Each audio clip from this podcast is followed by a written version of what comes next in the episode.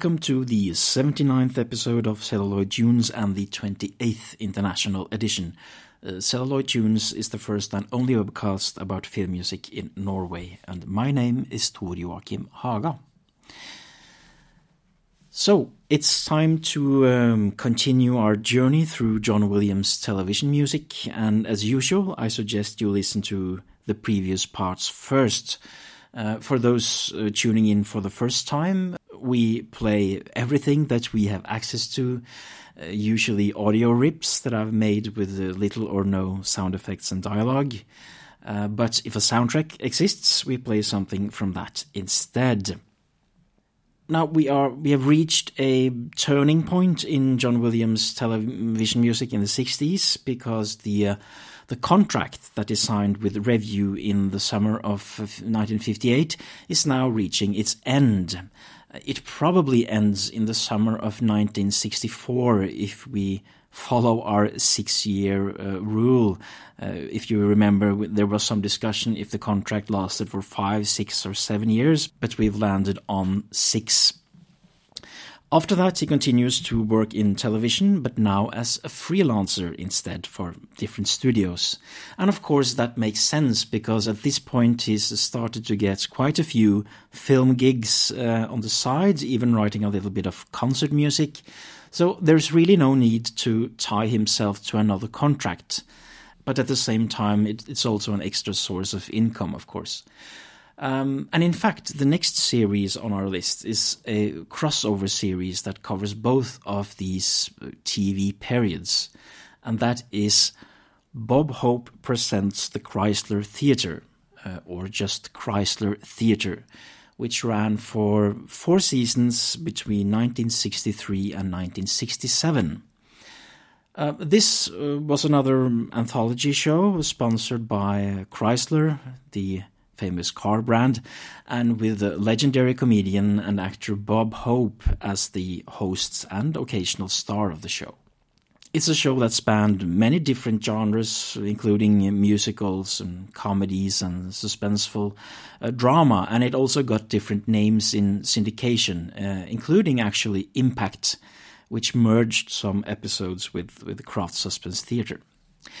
Uh, there were also other composers involved in the show, big time composers like Bernard Herrmann, for example, which scored a few, including one called Seven Miles of Bad Road that is available to view on, on YouTube. Um, Jerry Goldsmith was another.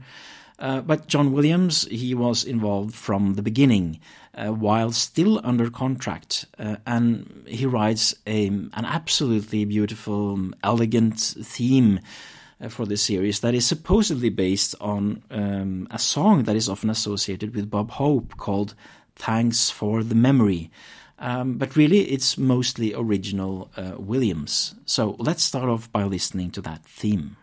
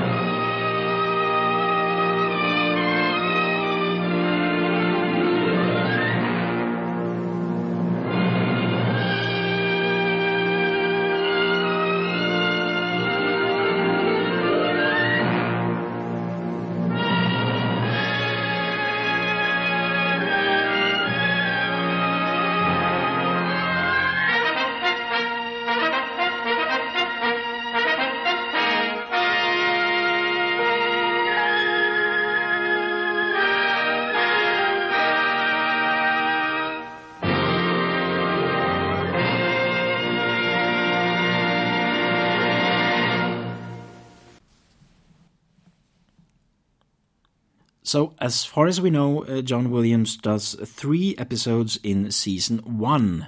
Uh, first of which is episode six, One Day in the Life of Ivan Denisovich.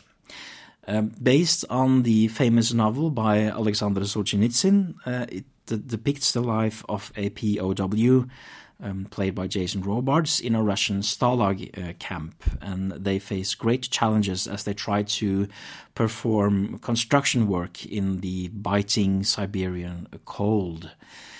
Uh, there isn't much music in the episode, but there's some sort of percussive harshness in the opening, uh, some jagged brass outbursts for the killings in the camp, and an almost Shostakovich like segment for the building montage towards the end. Uh, while it is quite modernistic in style, it isn't quite as should I say, interesting and avant-garde as Arne Nordheim's groundbreaking score for the Norwegian-British film version from 1970, uh, which of course is also a, a far superior um, adaptation. But be that as it may, uh, it's still a decent episode. Uh, now, the clips that I'm going to play for you are, um, they don't have the best sound quality, but do take particular note of the montage music towards the end.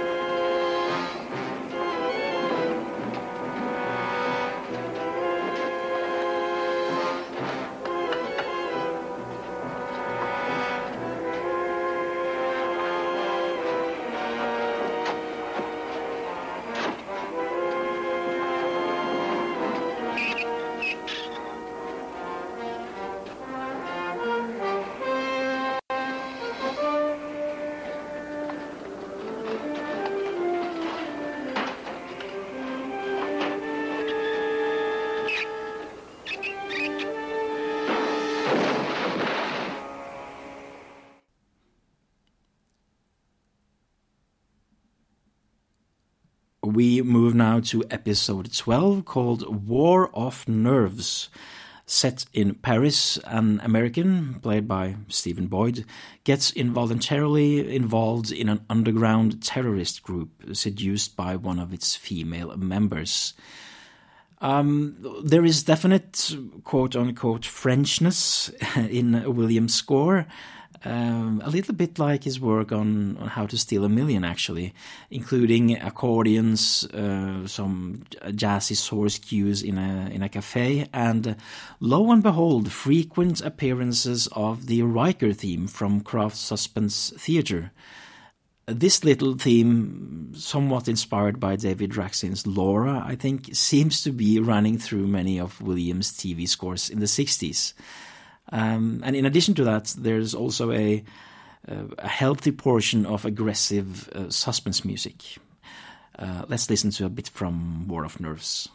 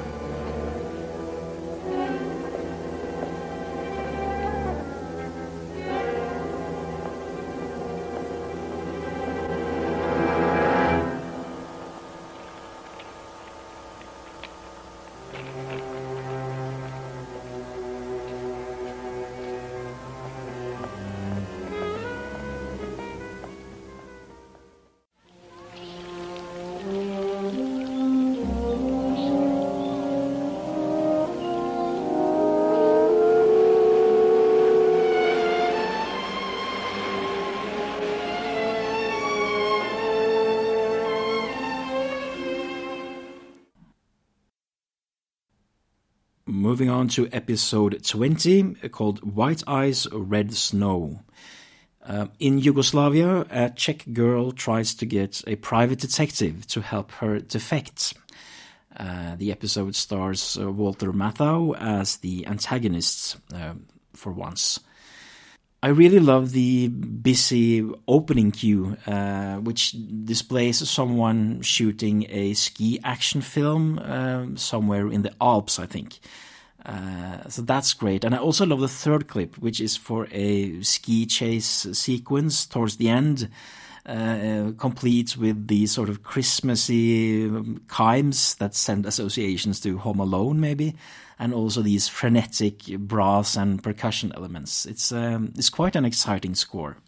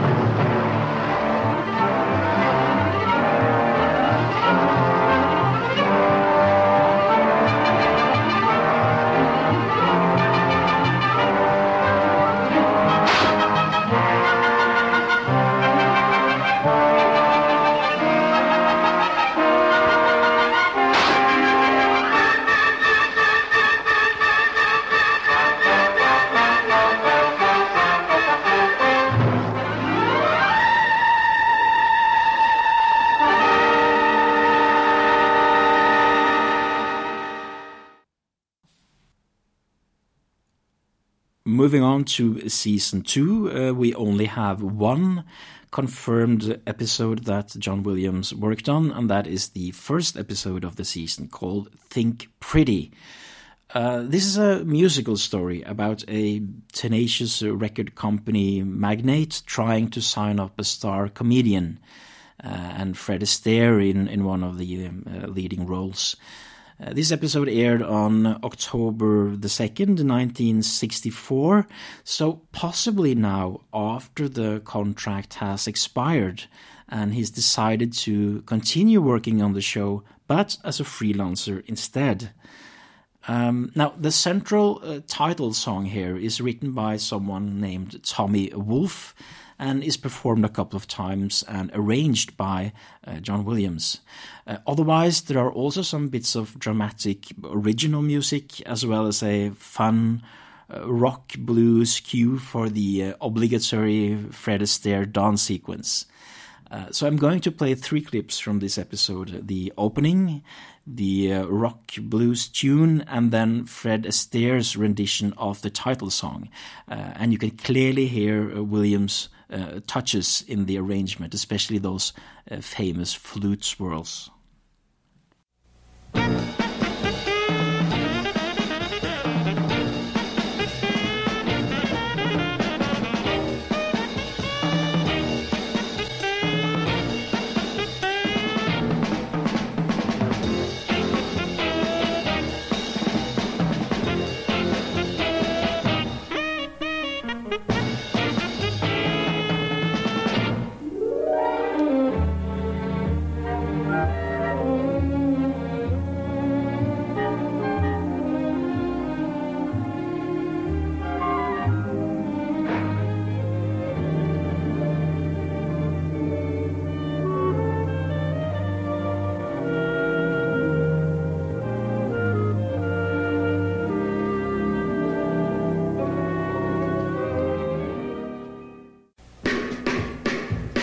Knows it.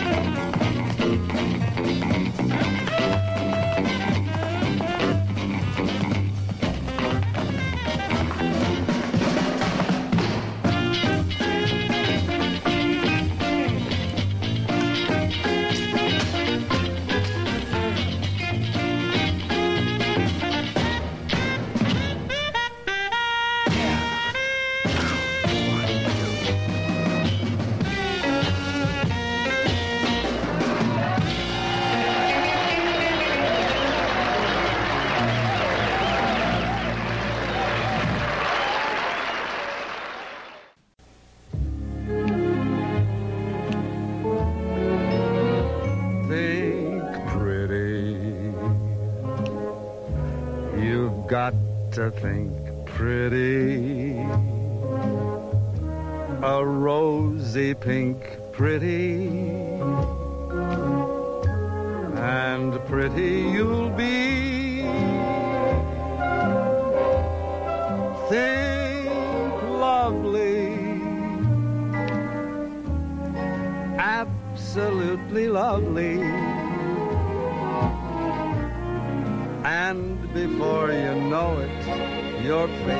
Will show it's so lovely to see.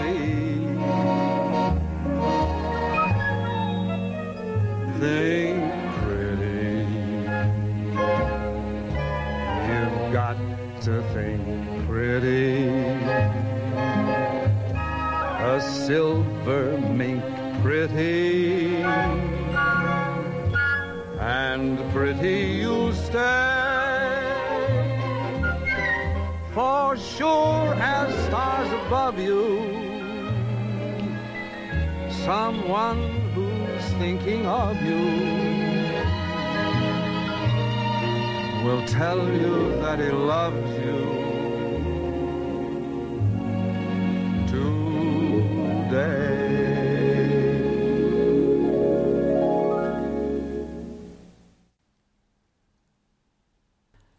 Season 3, Episode 1 The Game. Now, this is a pretty intense, uh, claustrophobic episode directed very skillfully by uh, Sydney Pollack, uh, who, of course, would collaborate with John Williams on other TV projects and most famously the film Sabrina from the mid 90s. Um, it's about an American tractor technician played by Cliff Robertson uh, working seasonally in Africa and about to return home to his family when he becomes fascinated with a private gambling room of eccentrics playing baccarat. Uh, it has some really interesting explorative string structures that are, for me anyway, reminiscent of the uh, darker parts uh, of scores like the Poseidon Adventure and uh, the Towering Inferno. Uh, it's a score that is either 100% string only or at least 90%, which is also an, an interesting aspect.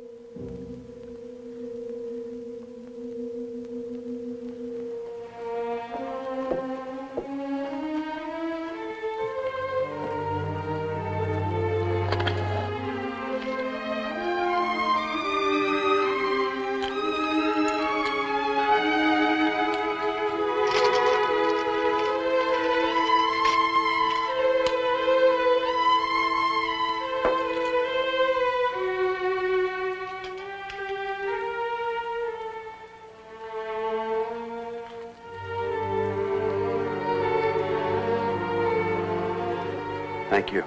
Merci.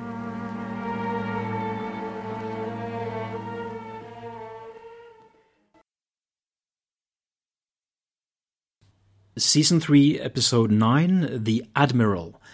Um, a Korean war admiral and his fighter pilot son have been estranged for years but are now serving aboard the same ship under very different circumstances. Uh, the admiral, facing the loss of his wife, tries to make amends with his son. Now, I have to say that the quality of this copy was terrible, and although I occasionally could glean some exciting seafaring or mm, sea shanty music by John Williams under the dialogue and, sound effects, it's difficult to uh, rip.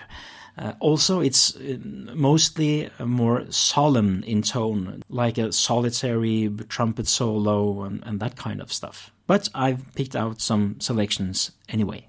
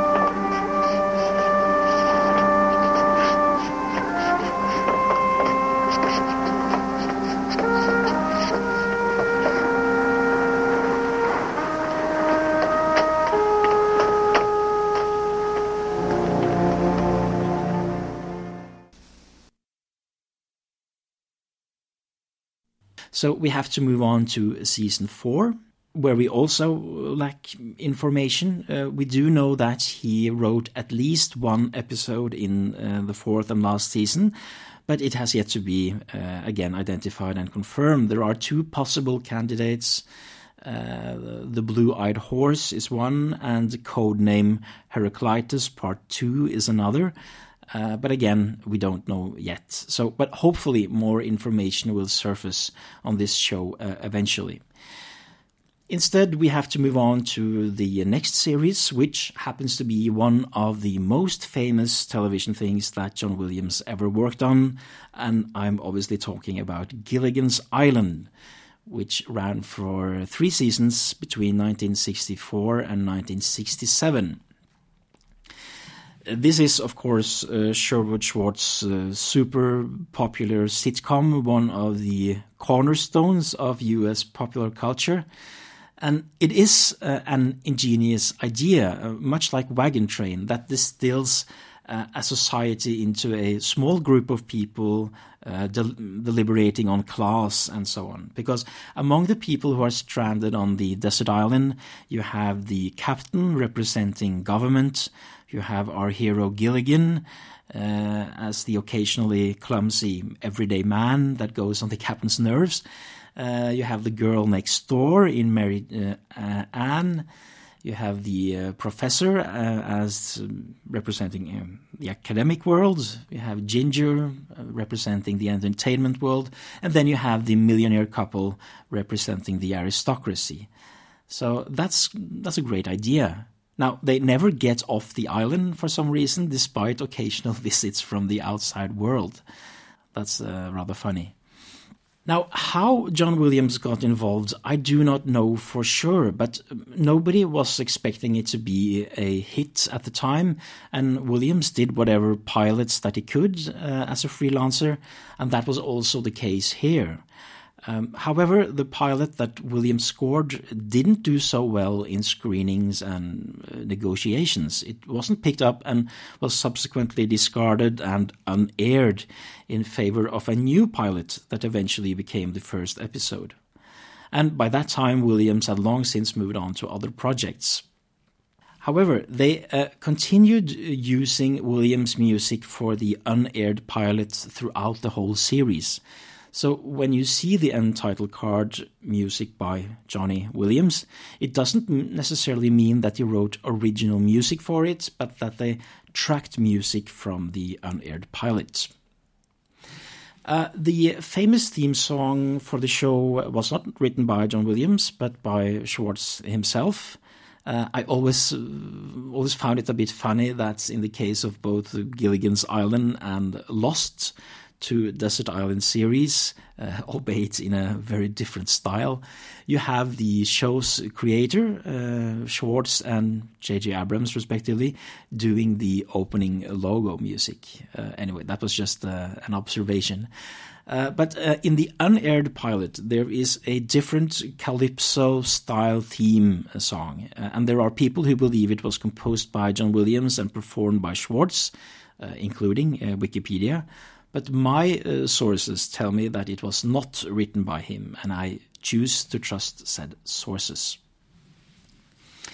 Okay, so Williams' music is typical sitcom music uh, with short intros, outros, and comic effects like when a coconut falls on someone's head. Uh, there are very rarely uh, long stretches, but still, I, it's, it's very cute. Uh, and somebody other than me has uh, already ripped music from the series and put it on YouTube. So these aren't my uh, rips. However, I took that material to a friend of mine, um, orchestrator Bill Boston, who is also a Gilligan's Island music expert, and he told me which parts were by Williams. Uh, so what I did was to download the YouTube videos I took Bill's notes and edited uh, them down, also omitting some unnecessary repetition to present this five minute suite from John Williams' Gilligan's Island music. Uh, because while the series is out on DVD and what have you, uh, and there have been several Gilligan Island music albums, none of the score music has uh, ever been released. So until then, uh, here's uh, a small taste. Thank you.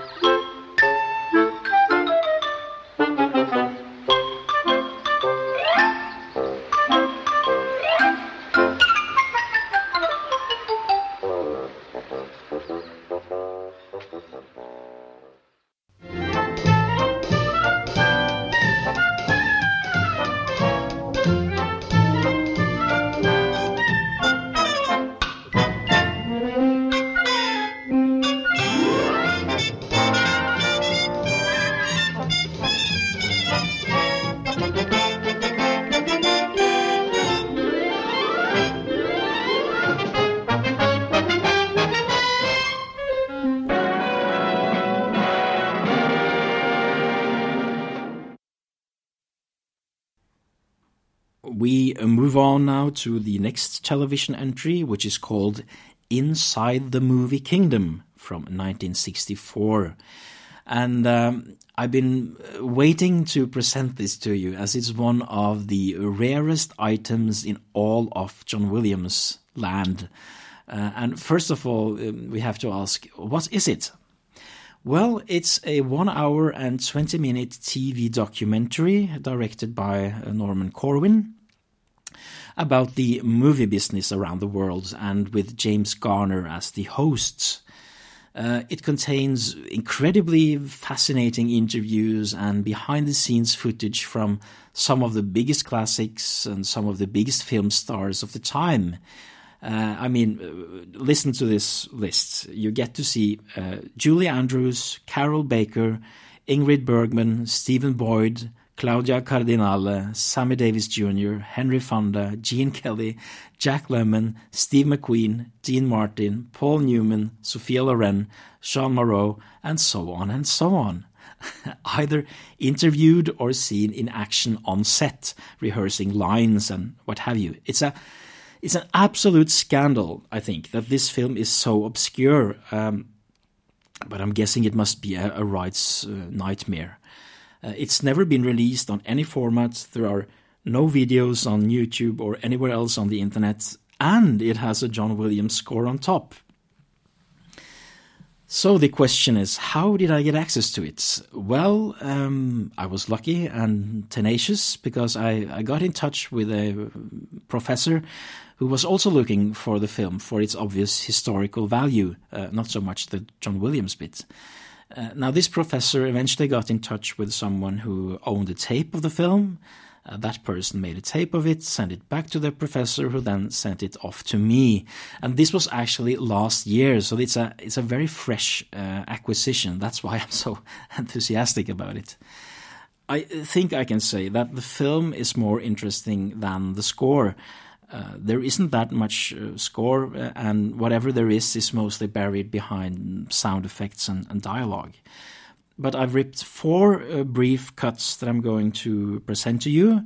Uh, first and last are the opening and end credits, and in between you have two short clips. one um, for a kind of a circus scene, and the other from the production of the fall of the Roman Empire with uh, Williams now emulating the old uh, epic style. Um, interestingly, it was once rumored that Williams played piano on Dmitri Tiomkin's proper score for Fall of the Roman Empire. Um, so that would have been an extra meta level in this case. But uh, unlike the Guns of Navarone, where we know that Williams played piano, I don't believe his playing on Fall of the Roman Empire is confirmed uh, at this point. But anyway, here's a clip from the rarest of the rarest item uh, inside the movie Kingdom.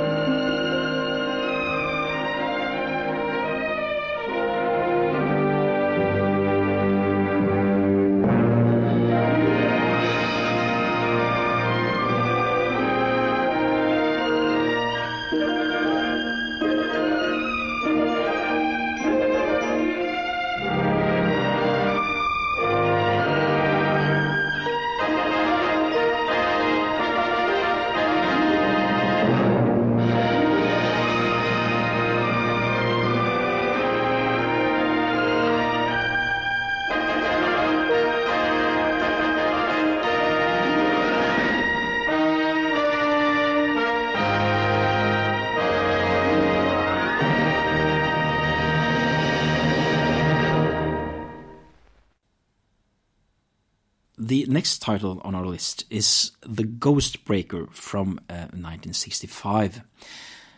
Uh, we have now entered, as I've already said, um, a freelance period where instead of doing lots of episodes uh, of a single show, Williams now does many pilots. It's a very tempting thing to do because it's uh, quickly in and quickly out. Uh, and while some of the pilots were picked up, uh, others were not. And The Ghostbreaker uh, was one of those shows that was never picked up. Um, but it does have an interesting story nonetheless. I've not seen it, but amazingly, as with the 11th hour, this has a soundtrack release. Because the score was released on FSM in 2005 along with Jerry Goldsmith's Jericho. And so we have liner notes by Jon Burlingame and Jeff Eldridge to lean on for information. Uh, I don't know if you can say uh, that the Ghost Breaker was an X Files type show exactly, but it concerns a professor and parapsychologist called Barnaby Cross, played by Kevin Matthews, who is called in to investigate cases that may or may not have paranormal uh, explanations.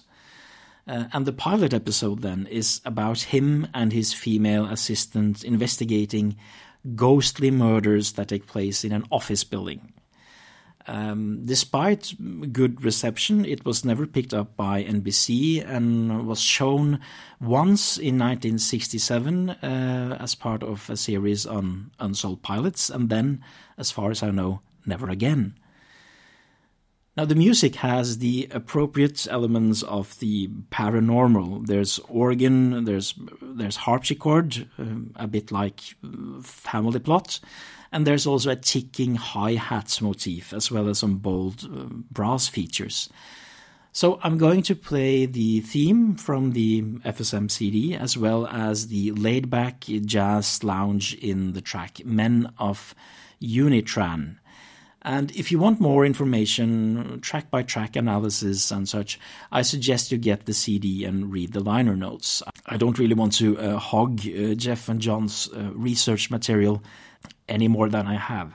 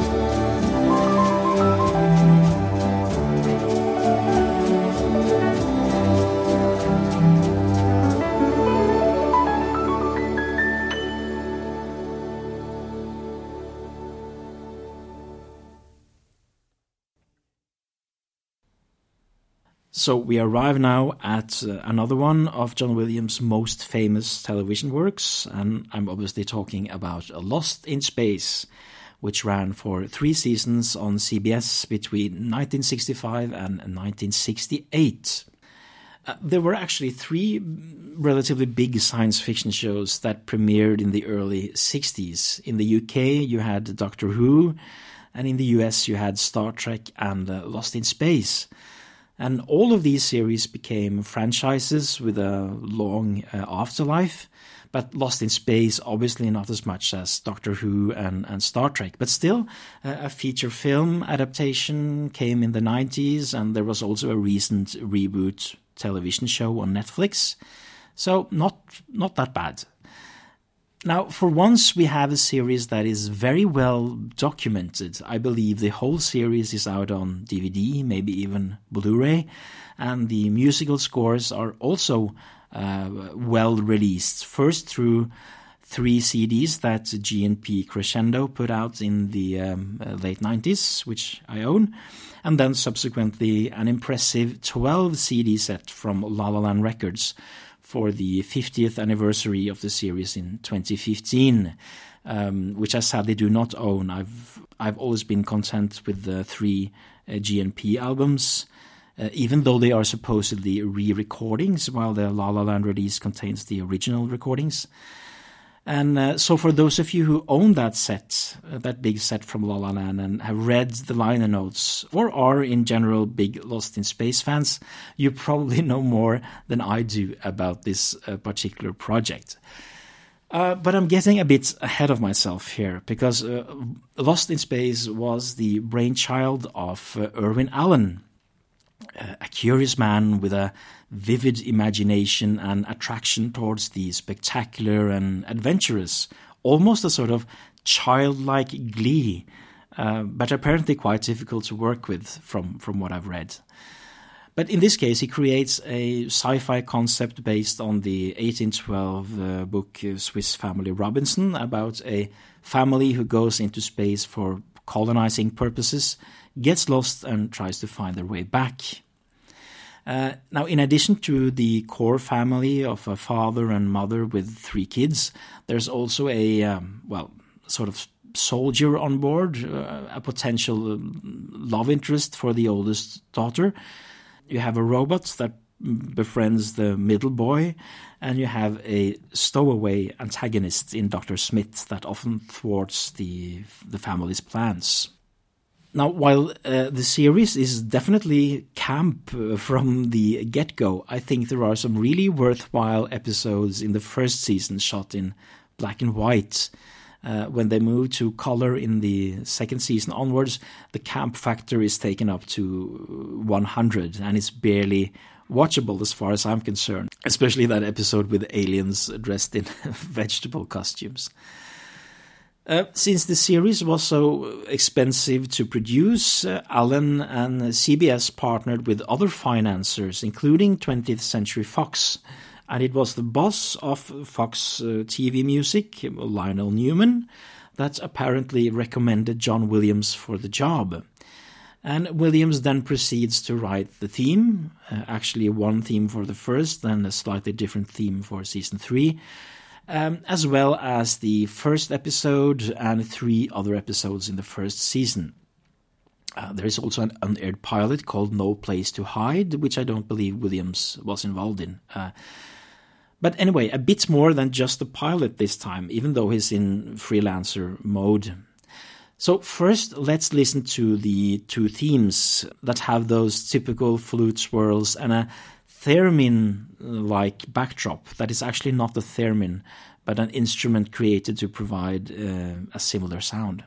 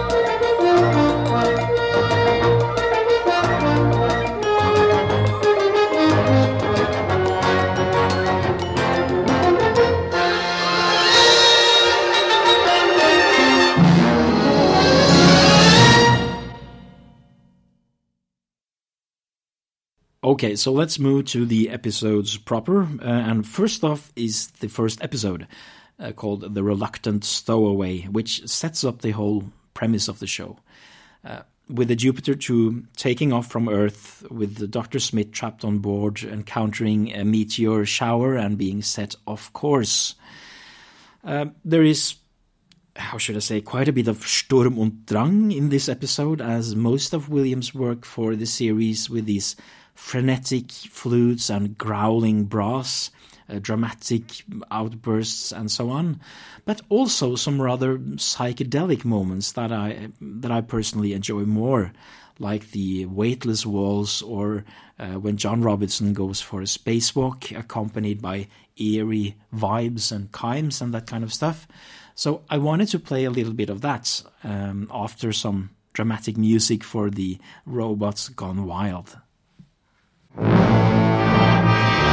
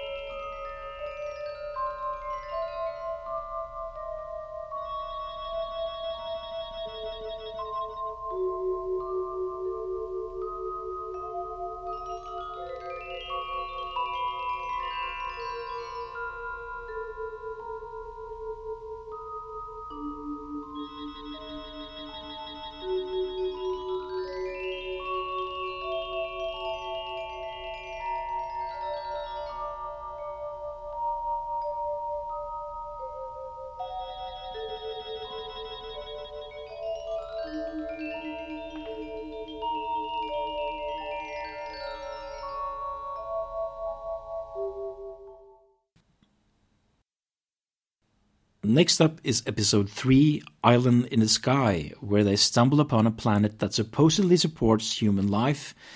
And John Robinson checks out the planet in advance, uh, but his jetpack malfunctions and he's lost.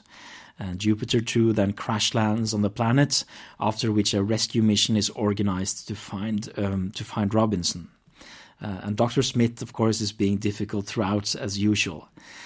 Uh, this is a track that combines several cues called um, tractor play on slash electric sagebrush slash will is threatened. Again, I would say quite challenging and modernistic in tone.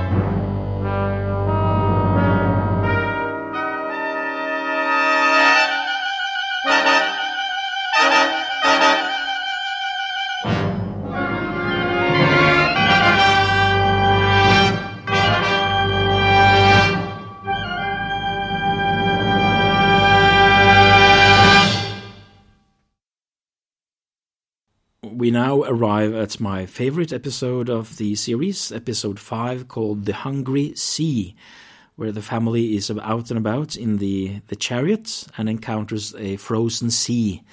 Uh, as it turns out, however, the planet is about to be superheated and the frozen sea turned into a liquid sea instead.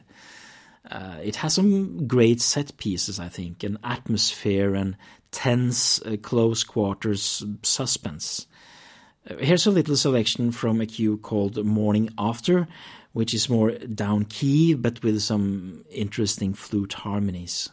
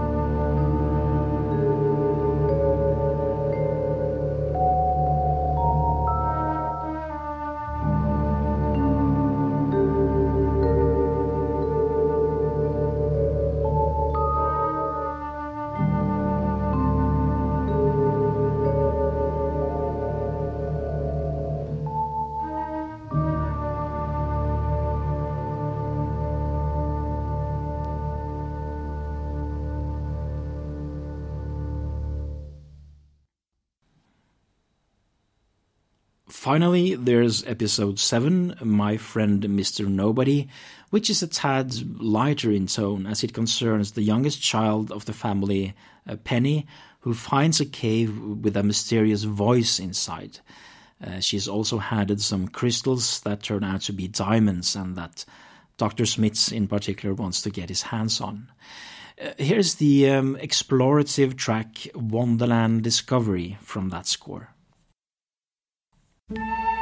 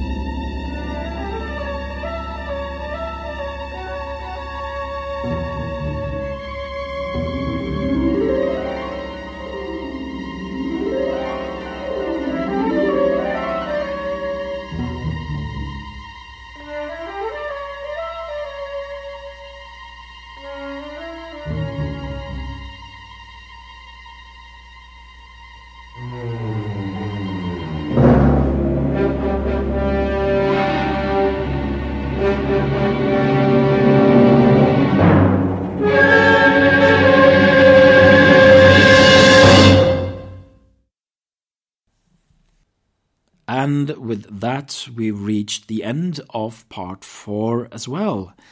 Uh, please comment below if you have anything to say. Please follow Celluloid Tunes on Facebook, and I'll see you soon for part five. Uh, until then, I wish you all happy listening.